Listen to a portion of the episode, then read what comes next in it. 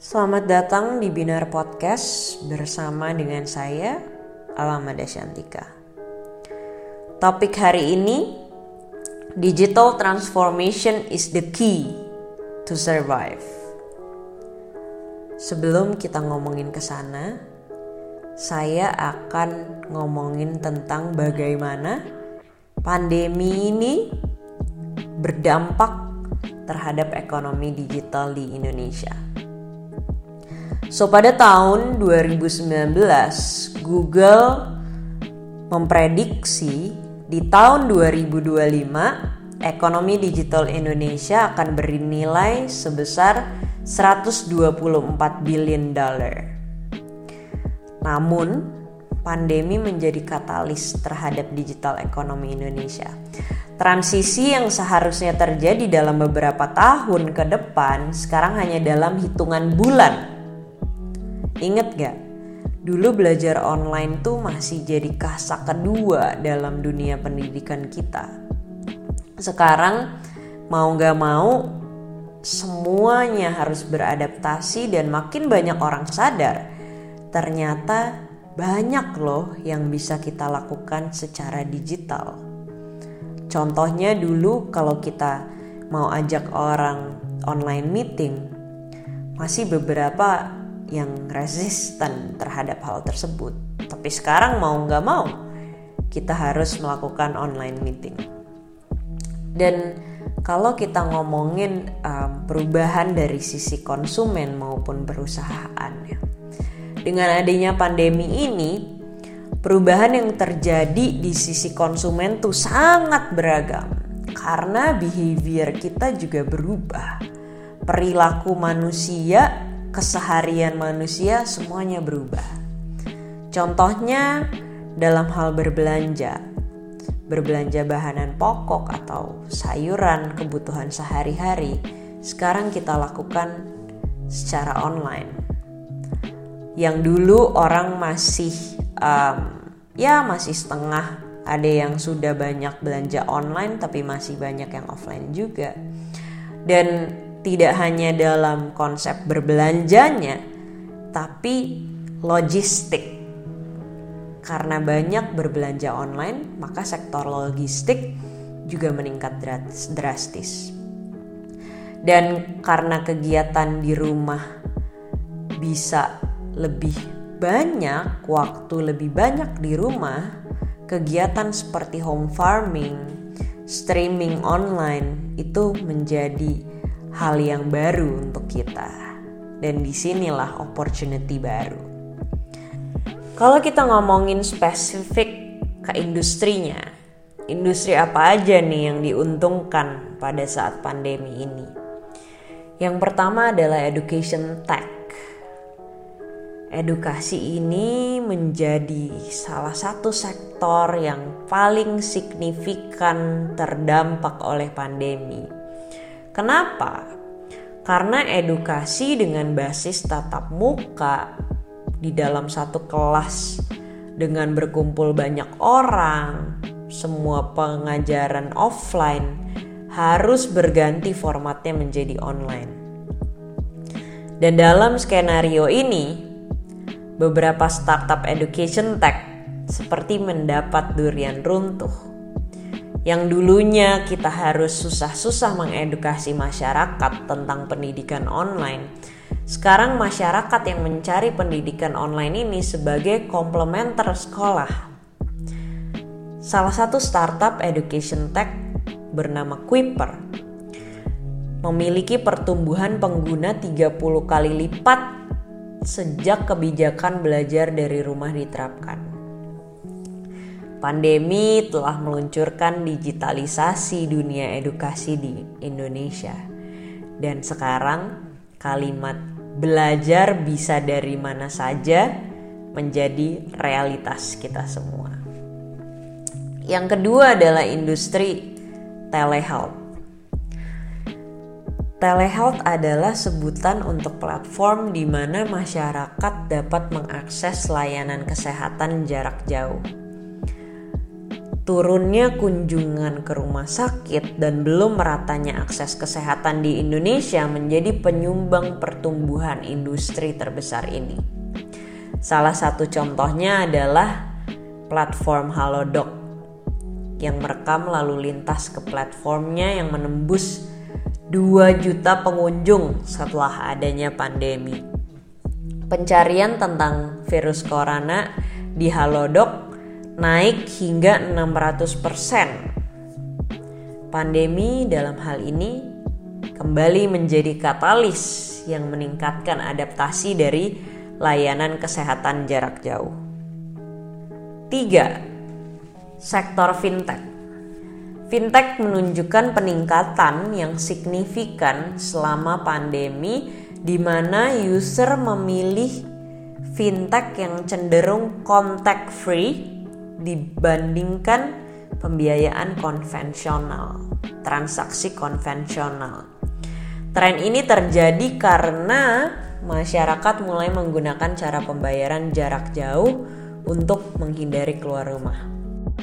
Transaksi paling pesat tercatat pada layanan e-commerce, kuliner, dan pengiriman barang.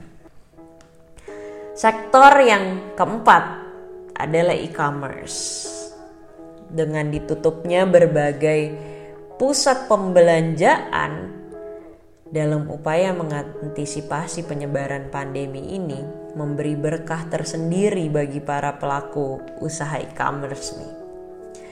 E-commerce yang bersifat contact free lagi tanpa adanya tatap muka memiliki keuntungan tersendiri di mana masyarakat sedang minimalisasi pertemuan secara langsung. Terlebih prosesnya tuh juga sangat seamless, sangat simple dan bisa dilakukan secara sederhana dari rumah sambil berkegiatan yang lain. Salah satu contohnya adalah Tokopedia. Akibat pandemi ini, Tokopedia mencatat ada tiga kategori yang transaksinya meningkat drastis sejak Maret, yaitu adalah kesehatan, keperluan rumah tangga, serta makanan dan minuman. Hal ini berimplikasi pada jumlah penjual baru di kategori kesehatan hampir naik 2,5 kali lipat. Dan inovasi apa aja sih yang hadir nih pada saat pandemi ini? Terdapat beberapa perusahaan yang mengeluarkan inovasi untuk tetap relevan kepada konsumennya di kala pandemi. Karena kalau nggak inovasi, bisa-bisa ditinggal sama konsumennya. Salah satu contoh bisa dilihat dari McDonald's yang mereka menjaga kepercayaan konsumennya dengan mewajibkan karyawannya untuk menyertakan suhu tubuh dan diletakkan bersamaan dengan note di makanan yang kita pesan.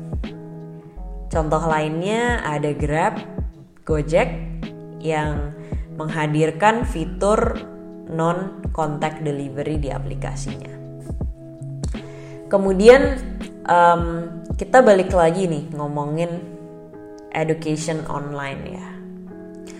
Nah, karena Binar ada di industri ini dan dalam kasus ini Binar perubahannya cukup masif. Dari yang dulu kita menyediakan kelas offline, sekarang semuanya sudah dialihkan ke online. Dan untungnya sebelum pandemi memang ini sudah menjadi sebuah plan untuk binar. Sebelum pandemi kita um, menjadwalkan bulan Maret kita akan melaunching online akademi kita. Dan dengan pandemi ini again kita tidak harus sulit-sulit mengedukasi masyarakat tentang online education. So, ini yang kita dapatkan di Binar. Jadi kita sebisa mungkin membatasi interaksi tatap muka offline demi kebaikan bersama semua kelas Android, full stack UI UX semua dilakukan online. Dan workshop-workshop kita yang workshop uh, 2 jam 3 jam naik 5 kali lipat dibandingkan kita biasa melakukan online. Karena ternyata juga dalam format online ini kita bisa nge-reach lebih banyak orang di seluruh Indonesia. Kita bisa menjangkau kota-kota lain selain kota-kota yang binar ada di sana.